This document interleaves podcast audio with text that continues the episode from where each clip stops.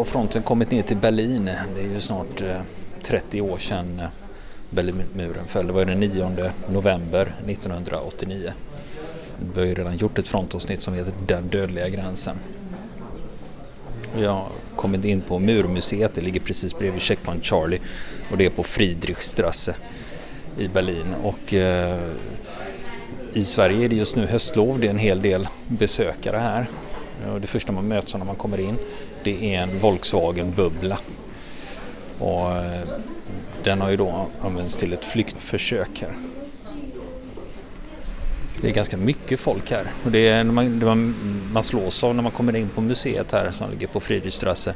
Det är ju mängden information för väggarna är täckta med bilder och text och eh, så en del montrar eller föremål. Det, det, är så jäkla blandat. Det är kartor och det är en bild, en byst av Winston Churchill och allting. Mm. Här har vi en monter som handlar om, den, eh, om luftbron in till Berlin. 24 juni 1948 blev det en blockad. Men eh, blockaden höll på fram till 12 maj 1949 och då flögs ju in förnödenheter då. Eh, luftbron, Berlin, eller the, Berlin Airlift eller Die Luftbrücke heter det. Det som kan kännas lite förvånande inne på Murmuseet här det är att man har en eh, flera väggar dedikerade till Raoul Wallenberg. Och han var ju inte verksam i Berlin, han var ju verksam i Budapest. Men här har vi om hans historia, att han är född på Lidingö. Och sen hans eh, tjänst som diplomat i Budapest. Och sen också om hans öde, hur han försvann. Och sen lite olika teorier om vad det var som har hänt med honom då. För er som är intresserade av Raoul Wallenberg så finns det också en utställning på Armémuseum i Stockholm. Då behöver man inte åka lika långt. Det som är lite unikt här är att man har tändsoldater tennsoldater och det här är alltså Raoul Wallenbergs tändsoldater. tennsoldater. Originalleksaker från Raoul Wallenberg. Och här har de då också förstoringar av de svenska skyddspassen som utfärdades till de ungerska judarna. Det var 30 juni 44 som Wallenberg fick ett diplomatpass och reste till Budapest i juli.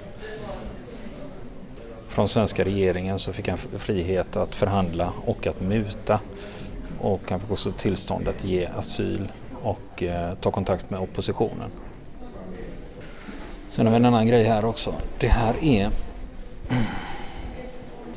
Det här är ju offer från eh, eh Sovjetlägren Ja, det här gäller ju då vilka som har dött i eh, ryska. Mellan 1945 och 1950 så avled 43 000 tyska fångar av undernäring, dysenteri, tuberkulos och andra sjukdomar eftersom de var, eftersom de var tillfångatagna. Och det är tyska Röda Korset som letar efter anhöriga här så man kan bläddra i de här pärmarna, det är inplastade listor med namn. Och om man hittar det så kan man då fylla i en blankett här och lägga i också. Och det är söktjänsten i München som håller på med det här projektet. Precis kommit upp ovanför trappan och där har vi information om vad som hände den 17 juni 1953. Det var ett folkuppror. Och det var i de sovjetiska områdena då.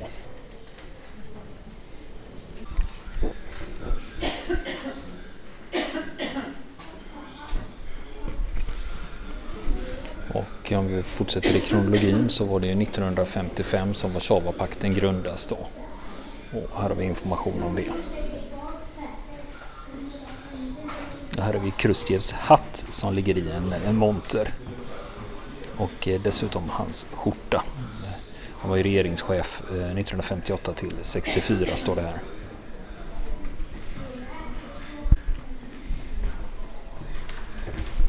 Och på övervåningen stod också en Morris Minor, eller en Mini Cooper. Eh, alltså en hundkoja. Eh, och den användes vid en flykt då 1988.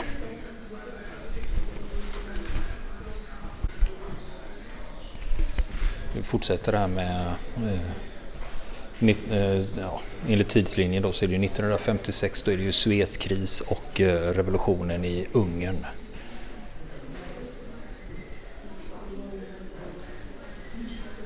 Och sen kom vi in 1961 när muren reses den 18 augusti.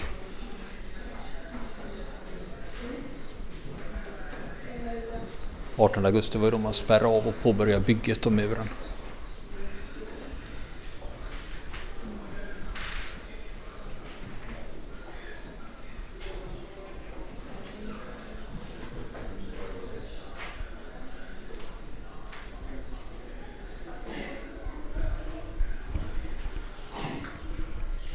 Sen fortsätter vi då 1962. Då handlar det om Kubakrisen. Då får ni lyssna på våra frontavsnitt om eh, kärnvapenbaserna på Kuba för att lära er mer om det. Och sen har vi då också i samma veva då är det ju protester i Västberlin mot eh, eh muren. Bland annat är det en stor en bild från Berlin här där folk demonstrerar under parollen Freiheit kennt keine Mauer, frihet känner inga murar.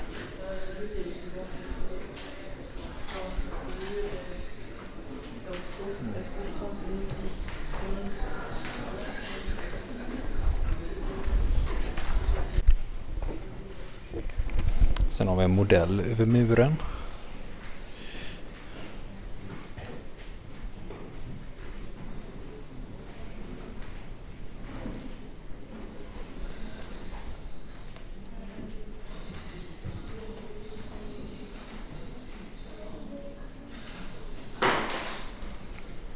Och den här modellen, det är alltså en, det är alltså en undervisningsmodell. Och den kunde man se i kasinot eh, i närheten av en bataljon som stationerade nära Staken. Det togs hit till museet av en löjtnant och eh, redan några dagar efter att eh, muren hade fallit. Vi frågade om den inte skulle vara saknad i kasinot och svaret var ja. Men innan Eh, den slås sönder i samband med fylla så är det bättre att den är här. Och det är en detaljerad modell med vakttorn och minfält och gatlyktor som visar hur ett, mur, hur ett område ser ut. Anneli Abrahamsson är en svensk journalist här nere i Berlin. Ja, Anneli, vi står ju bredvid en hundkoja här. Ja, precis. Och den har använts vid en flykt? Ja, den har använts vid en flykt. Det var en kvinna som hade träffat en eh, en östtysk kvinna som träffade en man. Så han brukade komma över till Östberlin för att träffa henne. Eh, och det väckte ju misstänksamhet bara det att han var där så ofta. Liksom. Så att hon blev inkallad på förhör och fråga, ut, blev utfrågad om vem den, den här mannen var. Och, sådär. och de ville inte sluta, de ville inte avsluta sin relation för de blev ett par. Så de ville inte avsluta sin relation. Eh, och så hade de en plan på att hon kanske skulle ja, komma flygandes i någon slags farkost över men det, det skrotar de den idén. Men sen så tänkte de att att eh, varenda gång han åker förbi den här mm, pojkvännen, varenda gång han åker i sin minivan, eller Mini Cooper, vad heter den? Mini Cooper? Ja, hundkoja. hundkoja. Så eh, tittar de aldrig på passagerarsätet. Så då började de forma en plan där han köpte en, eh, ett överdrag till eh, sätet Eh, ett skydd, sätesskydd helt enkelt. Eh, och eh, sa till henne att klä dig i svart. Och då hade han ju skurit lufthål och grejer så skulle hon sitta i en sån här. Mm, jag, jag, jag fick en känsla att det var liksom lite pälsigt det här skyddet. Och då skulle hon sitta ja, men du vet, i en fast position och liksom vara dold inne i sätesöverdraget. Så, så flydde de Eh, och de blev stoppade dels eh, 40 meter innan eh, första checkpointen, om man säger, första gränsvakten. Så stannade han till för att bara titta liksom hur, hur det såg ut och då stannade en polis första gången och kollade papper och du vet. Ehm, och när han närmade sig så bad de honom att flytta sitt säte fram och liksom, du vet. Men ingen tittade, mm, tittade in genom rutan och så. Men ja, de lyckades fly. Jag skulle vilja veta vad som hände sen, dumpade honom? Man undrar. Mm. Men uh, de är med på bild med Sylvester Stallone? Ja, just det. Sylvester Stallone var ju här 88. Eh, och det var ju innan muren föll och han, han såg ju den här, eh, träffade ju den här kvinnan. Och, eh, men och då visade de den här bilen, för den hade de ju då med sig såklart för att det var ju den de flydde i. Så då hon visar upp den bilen för Sylvester Stallone. Och han ville även göra ett besök i eh, Östtyskland, eller Östberlin. Men han eh, fick inte det. Så att, ja. Men snacka om, eh, alltså, vilken grej va? Man kan ju lite grann tänka sig hur det, alltså dels hon hade svårt att andas, det var jobbigt för henne att andas. Det, hon fick sitta i en jätteobekväm ställning. Och bara den skräcken att, eh, ja men, det är ju så små, små marginaler. Alltså om någon bara får en intuitiv eh, liten hook liksom, eller att man börjar misstänka någonting så är det ju kört. Eller hur? Men att Sylvester Stallone som ändå är verksam i filmindustrin, han har ändå varit här och sett den här bilen och hört den här historien. Det hade ju blivit ett jäkla bra filmmanus. Ja, att, alltså undrar om inte, alltså det är ju en, en lyckosam historia också. Så att konstigt att inte, eller det kanske finns, jag vet inte om det finns någon tysk film eller att vet jag inte, men jag har inte hört talas om att det skulle finnas någon baserad på den här händelsen. Just nu går det ju en film om flykten från DDR när det är en familj som flyr i en luftballong så det kanske, vi kanske får se fler sådana. Ja, kanske. Det är, ja, kanske. Sen eh, på det här museet så har de ju samlat flera flykthistorier. Eh, bland annat eh, beskriver de det så här att inte bara mod utan också fantasi hjälpte flera östtyskar att fly.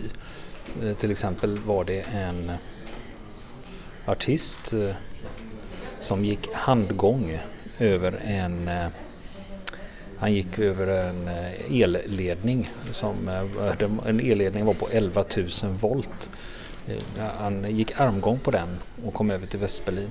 Då var han tvungen att falla 40 fot, det är alltså 12 meter. Och trots att det blev en ganska mjuk landning i en snödriva så bryter han bägge sina armar. En annan östberlinare lyckades fly gömd i en, i en modell av en ko och den här modellen var gjord i plast. Och den här eh, skulle då skickas, den skulle ut på utställning det den här komodellen då, det är ju som en, eh, hästen från Troja ungefär. Sen var det en svensk eh, kille här, han hade, han hade förälskat sig i en flicka från Dresden och han tog flyglektioner och då han flög till Tjeckoslovakien till en hemlig mötesplats i utkanten av ett fält och därifrån flög de till frihet och de kunde undgå eh, vakternas uppmärksamhet. Och den här historien om eh, den svenska flygaren beskrivs här så står det också att, det var en, att han var en svensk officer. Och här har man ju samlat mängder med texter och bilder på olika sätt att fly från Östtyskland. Och här har vi ett exempel då på en östtysk medborgare som eh, hade flytt i en eh, hemmatillverkad amerikansk uniform och det var hans flickvän som hade smugglat ut eh, material från Västtyskland. Hon besökte nämligen ofta amerikanska klubbar. Och hans uniform och hans honör var så perfekt att inte ens de amerikanska soldaterna vid checkpointen märkte någonting. Så han bara knallade rätt över. På samma sätt gjorde man 1963 när man eh, tillverkade östtyskar, fyra stycken östtyskar tillverkade sovjetiska uniformer. Och det var, eh, de här sovjetiska uniformerna var så välgjorda att eh, och de hade även repeterat in honörer så när de kommer till gränsen så lyckas de knalla tvärs över. Och när de väl kommer till gränsen så lyckas de köra tvärs över. Och då hade man dessutom gömt en kvinna inne i bilen. Och sen var det en som hade tillverkat en egen undervattensmoped, 28-årige Bernd Beutker han lyckades fly över Östersjön. Trots kraftiga vågor så lyckades han ta sig de 15 miles, alltså amerikanska mile, och då kommer de till Gedser. Det tog fem timmar och det skedde 9 september 1968. Och han hade tillverkat den här undervattensmopeden själv. Och ja, undervattensmopeden går vid ytan och så snorklar han. Det var så han hade tagit sig fram. Sen har vi också två legendariska resväskor här och det var där man klippte i hål i dem och så kunde man, när de låg bredvid varandra så kunde man knö ner en kvinna fly i de här väskorna. De ligger på en hylla här de här väskorna.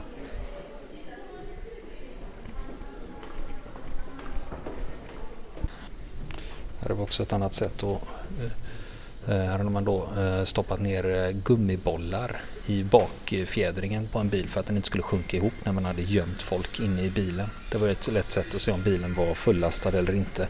Det var ju att man tittar bara på den och ser, är det, ser den tungt lastad ut eller inte.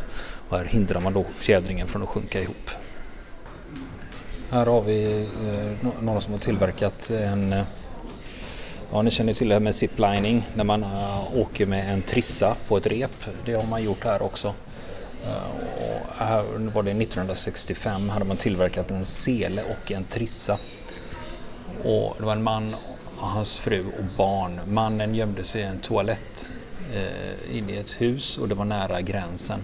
Han väntade tills det var mörkt och sen klättrade han upp på taket på huset och kastade en hammare som satt fast i en lina. Han kastade den över muren. Eh, det fanns medhjälpare på andra sidan som hjälpte, hjälpte till att spänna upp den här linan. Sen var det de här tre som åkte med den här selen över muren i deras eh, egna seler då, som de hade tillverkat. Och det, är ju, det är ju ett riktigt hemmabygge. Och det dröjde till morgonen därpå innan vakterna upptäckte eh, utrustningen. Och här hänger då hammaren och repet och trissan och selen. Och här inne i, en, i ett rum då står det en gammal Opel. Eh, och eh, enligt polisrapporten så var det fem personer som flydde i den här på det var 14 november 1961 och det gällde övergången vid Chaucerstrasse. Och den här bilen är utrustad med, eh, de har bepansrat den på sidorna och bak till. Och eh, insidan av dörrarna har man fyllt med betong och två skott slog igenom vindrutan. En, hittade, en eh, träffade framdäcket och en annan passerade igenom eh, handskfacket men ingen var skadad. De stora hålen i metallplåtarna som ser ut som eh, dödliga kulhål eh, borrades efteråt. Eh, och det verkar som någon har borrat hål i den för att det ska se ut som kulhål. Och frågan om man gjorde det för att det skulle bli lite mer dramatiskt eller inte. Men när museet fick reda på det här så har de med det här tillägget. Det är ju så med sanningen. Och det är ju tråkigt om man... Eh, det är ju tillräckligt dramatiskt. Man behöver ju inte göra det värre än vad det är. Sen har vi en händelse här som hände precis på gatan här utanför vid Checkpoint Charlie. Här hänger nämligen en amerikansk uniform. Eh, där var det en person som hade på sig den här uniformen och använde en amerikansk Ford med amerikanska nummerplåtar på. En som hjälpte flyktingen körde sina vänner, ett eh, förlovat par från Östtyskland, tvärs genom Checkpoint Charlie till Västberlin och det var december och det var den 12 december 1966. Trots att eh, han som hjälpte flyktingarna hade tillverkat uniformen i Östtyskland var han tvungen att få tag på knappar och andra uniformsdetaljer. De amerikanska nummerplåtarna togs från en bil som stod parkerad i Västberlin. Och sen eh, monterade de faktiskt tillbaks de här nummerplåtarna samma dag. Han som hjälpte till, han hamnade inte inför rätta i Västberlin. Men eh, assistenten eh, som kom ifrån Västberlin som hade hjälpt till med flykten fick böta 3000 D-mark. Och den här saken blev bara känd tack vare att det blev en rättegång, annars så hade den aldrig uppmärksammats. Sen uppe på tredje våningen så av någon anledning har man med eh, Pablo Picassos eh, Guernica. Och då undrar man ju vad har det med saken att göra? Intressant förvisso, ja. Hör det hemma? Ah, tveksamt. Sen i ett rum på tredje våningen så berättar man också vilka kändisar som har varit här. Ja, var ju president John F Kennedy var 26 juni 63. Det var vid Schöneberges rådhus. Det var där Kennedy höll tal och sa Ich bin ein Berliner. Keith Haring, den amerikanske konstnären, har varit i Berlin 1986 och det hänger en skjorta här som han har målat på. Han passar också på att dekorera Berlinmuren. Sen har vi en form av konstinstallation här. Det är massa det är en massa knivar på en vägg, fällknivar och Eh, sen är det eh, olika typer av knivar och sen är det NVA-hjälmar då från östtyska armén. Och även en snuskburk som är förvånansvärt lik den svenska fast jag ser på beslagen att det inte är en svensk. Ja, Anneli Abrahamsson, det här ser ut som en uh, italiensk Isetta. Ja, den här det, lilla det bilen. Det. Ja, och man, uh, vi får titta här, man kom ju på att uh, just när det gällde uh, Isettan så, så motorn var inte större än en vanlig kastrull. Och sen så det var ju någonting med alltså det, eh, utpipen. Avgasröret? Ja precis. Var direkt, det ledde direkt under eh, motorn eller under bilen. Och då man kom ändå på att eh, det, det fanns ett utrymme här bak som man kunde lyfta ut. Och sen så kunde man sätta med en plywoodskiva eh, i bak, i, bak i bilen alltså. Eh, I eh, motorutrymmet i bilen. Och sen så kunde man ha en människa där inne. Och det lyckades fyra gånger med olika isetter, isettor. Men eh, en femte gång och då hade de blivit lite mera eh, varnade, gränsvakterna kan man tänka sig.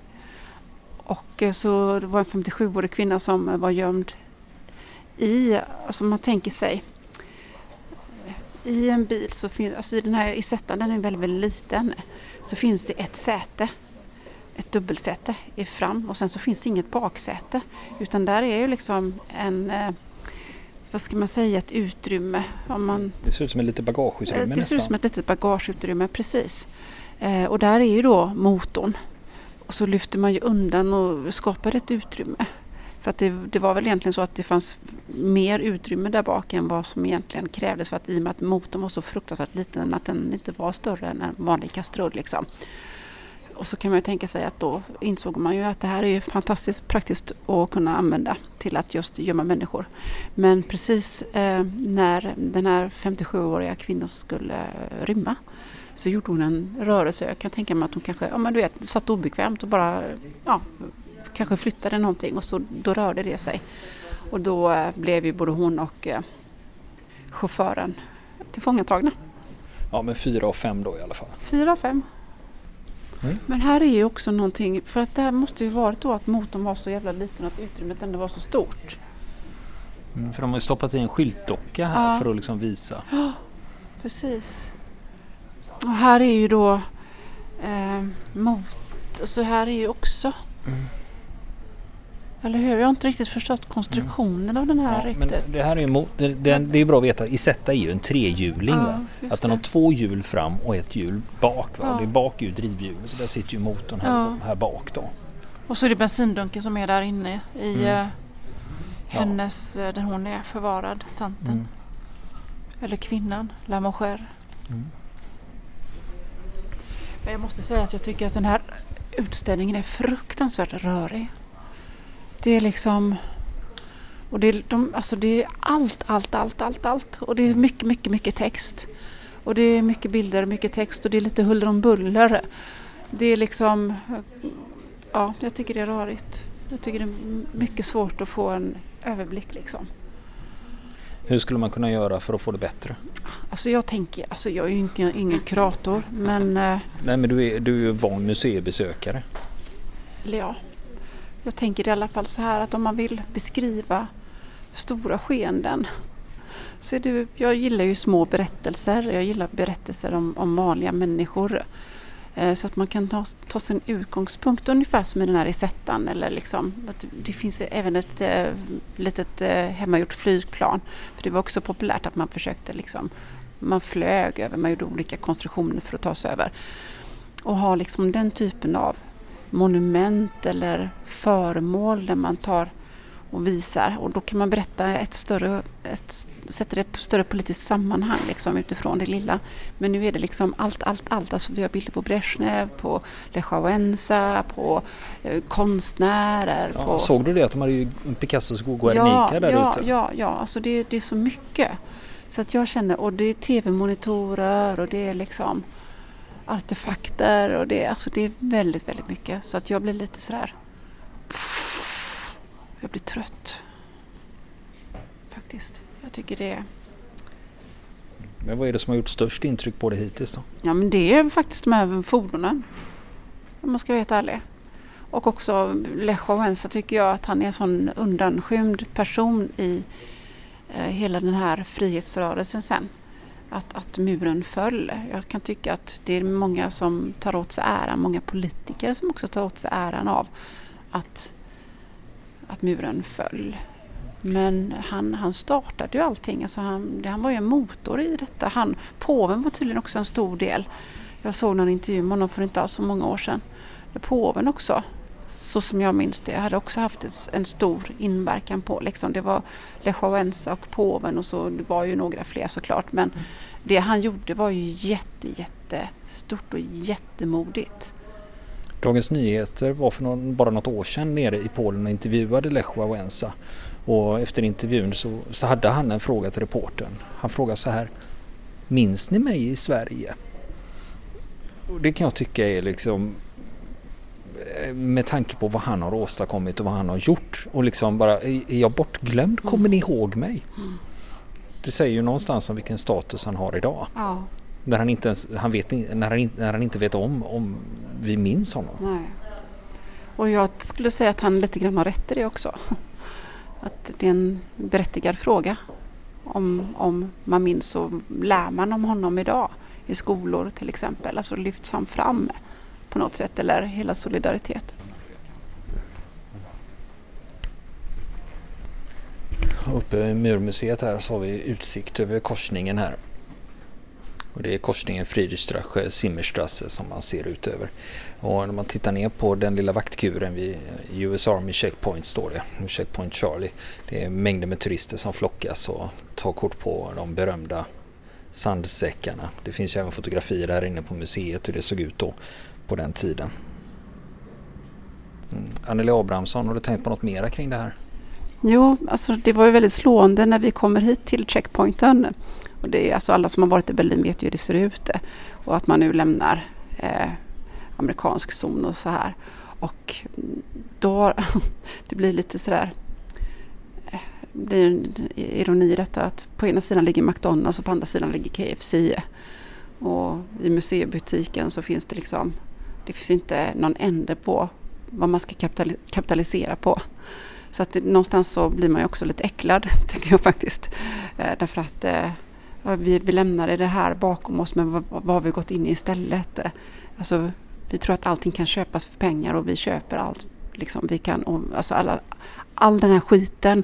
En liten plastdocka med drottning Elisabeth och kapsylöppnare. Och, är det för kommersiellt? Det är ett jippo.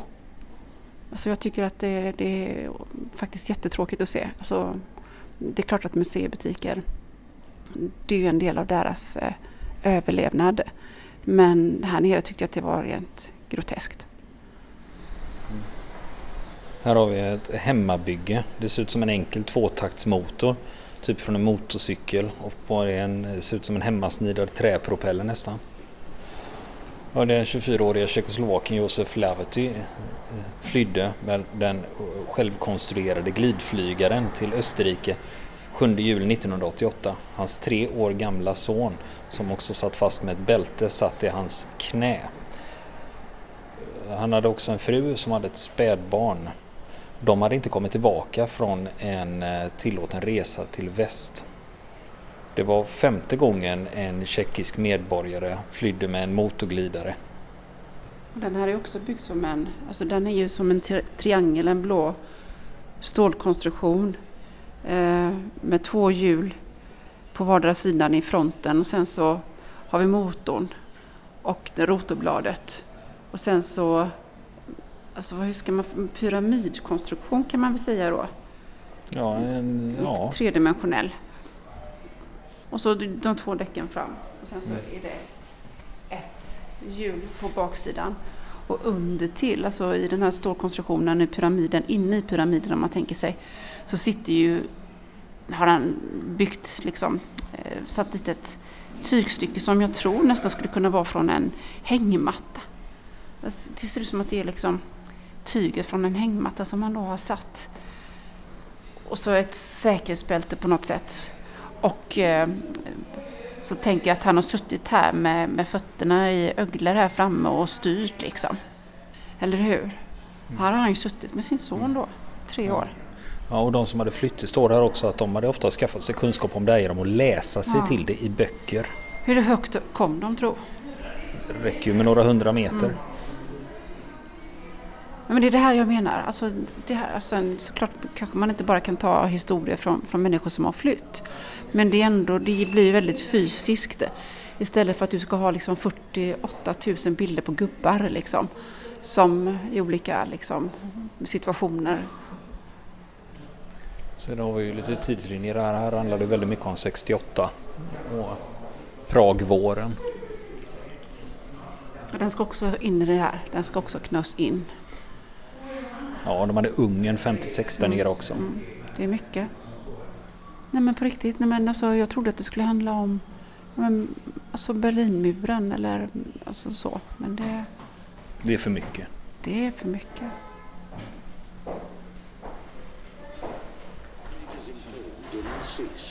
We cannot and will not conduct business as usual with the perpetrators and those who aid and abet them. Make no mistake, their crime will cost them dearly in their future dealings with America and free peoples everywhere. Ja, de har en tv-skärm som står och snurrar här med ett eh, tv-tal av eh, Ronald Reagan. Sen har vi eh, mera information här. Det är 60-tal och bland annat handlar det då om Martin Luther King. Och sen har vi en vägg som tillägnas Gandhi. Och eh, att han är född eh, 1869 och så vidare. Sen har vi ett rum som handlar om eh, Nordkorea och de övergreppen som sker där. Och som har skett där. Det är teckningar med olika tortyrmetoder och vad fångarna varit tvungna att utstå. Väldigt sjuka saker kan jag säga. Och sen har vi också ett rum här som handlar om Syrienkonflikten. Med information. Och den här eh, utställningen då tillägnas de eh, flyktingar som eh, väntar på att få komma hem till sina hemländer. Sen har vi ytterligare ett rum och där handlar det om Ukraina. Här har vi, ska vi se vad det är. Här ligger lite hylsar. Det är eh, 762 Sen lite kortare också. Det är sen 9 millimeters lite kortare 762 delar från Kalashnikov då. Och sen ett eh, ryskt pansarskott som ser ut som en amerikansk M72.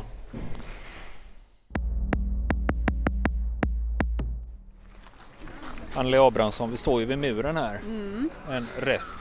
Precis. När du ser det, vad tänker du då? Ja, det första som jag tänker på det är ju att man minns eh, scenerna när när de hackade sönder muren såklart. Eh, de tv-bilderna som kom, de var helt osannolika. Man trodde inte att det var sant. Jag växte upp under kalla kriget. Det var ju en del av, av våran vardag. Man var ju väldigt påverkad av kalla kriget och växte, jag var ju född 68 och eh, hela, hela barndomen var ju präglad av detta. Och rädsla för vad som skulle hända. Så det var ju en eufori såklart och en stor glädje. Mm. Nu står vi och tar på den också och man kan tänka sig att eh, den här fick ju vara som symbol för en hel världsordning. Och nu så står det här några sorgliga rester kvar ja. från något som var så mäktigt och helt oförstörbart. Ja, så är det ju. Alltså politiska system eh, är ju inte för evigt, eh, tänker jag. Det är väl väldigt tydligt när man ser det här faktiskt, eller hur? Det går ju inte att reflektera över annat än det egentligen. Och också vad det har ställt till, vilka personliga tragedier, alltså tragedier, familjer som splittrades och... Nej fy, hemskt. Jag träffade en kvinna inne på museet som, som eh, sa att, att vi fortfarande, liksom, det här händer ju runt om i världen fortfarande just med som, som man såg i utställningen i Nordkorea. Och, alltså det, det händer ju fortfarande att folk delas på och, och att vi gör varandra illa och att krig pågår och att man inte vill vara snäll helt enkelt. Inte vill dela med sig. Vad tänker du själv? Mm, jag hade en väldigt, väldigt fascination för Berlinmuren på den tiden. Tyckte det var jättespännande, jätteintressant och sen var jag nere i Berlin 1990, ett halvår efter att muren hade rivits då. Och då fanns det fortfarande väldigt tydliga spår kvar, både på öst och väst, för de hade inte hunnit liksom ställa om riktigt. Men idag så är det här nästan som en arkeologisk eh, utställning. Alltså det är 30 år sedan nu. Mm. Och ett av de starka, alltså Tåström har ju gjort en, alltså en sån stark eh, inlag också när det gäller eh, Die Mauer, alltså låten som också är otroligt, otroligt bra och så fruktansvärt sorglig. Som jag också tänker, alltså det var ju väldigt, väldigt fint. Alltså den sätter ju också tummen på vad det var. Men det, det, är något jag tänker på, det är ju det här med beständigheten. Va? För när vi växte upp då var det ju liksom, ja men det är så det är. Mm. Att öst är öst och väst är väst. Och så blir det så här. Ja, så här blir det och sen så ersätts ju det här utav andra. Alltså idag har vi en annan krigföring, idag har vi andra polariseringar. Så att eh, problemet kvarstår fast det ändrar karaktär, skiftar karaktär. Det är inte den här typen av murar längre men du har, alltså om man då tänker sig nord-syd eller ond-god eller Sanning och lögn. Sanning och lögn är ju den stora knäckfrågan idag. Alltså vem som har tillgång till, eh, till, till och kan hantera verktygen för liksom eh, algoritmer och för att kunna fake news och ja, allt det där. Det är ju en helt annan... Eh, en helt, alltså många hävdar ju att det pågår ett tredje världskrig idag till exempel.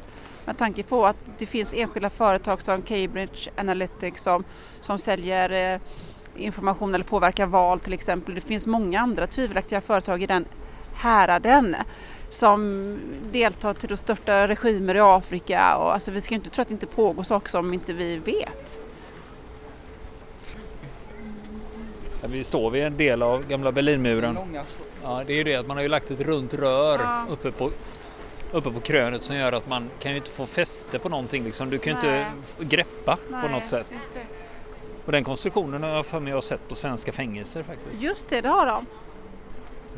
Mellan 1961 och 1989 så förändrade den östtyska regeringen designen, formgivningen alltså, på muren fyra gånger längs med många platser längs med, längs med gränsen. Det här är gränsmur 75. Den, eh, den restes eh, från 1975-76 och eh, framåt. Ja, målet var ju att resa en, en barriär här som var helt ogenomtränglig. Och eh, flyktingar de eh, uppfattar den som stört omöjlig att klättra över. Och sen har man en, eh, den här är ju L-formad, det är en, ett, eh, en lång fot på den. Och den långa eh, betongfoten den pekar in mot eh, gränsremsan och det skulle göra det omöjligt för för fordon som försökte krascha muren. Och det här var då den främsta barriären mot eh, Västberlin. Och under 80-talet så sprayades den här med graffiti och stora bilder målades på den västra sidan. Efter att muren föll den 9 november 89 då målades även eh, delar av muren från östsidan. Och det är det vi kan se exempel på här. Jag tänker vad, vad det här också så tydligt visar det är att likt vatten, vatten hittar alltid sina vägar. Och det gör människor också. Du menar att det här hindrar inte människor? Jo, det är klart att det hindrade människor, men det stoppar inte alla. Faktiskt. Och sen, eh, mina tankar är det sista ni tar. Eller hur? Så är det ju. Det är motstånd. Vill ni komma i kontakt med oss så kan ni göra det via vår Facebook-sida som heter Fronten. Det är inga problem för er att leta er fram där. Eller också så mejlar ni på vår mejladress och det är frontenpodcastgmail.com.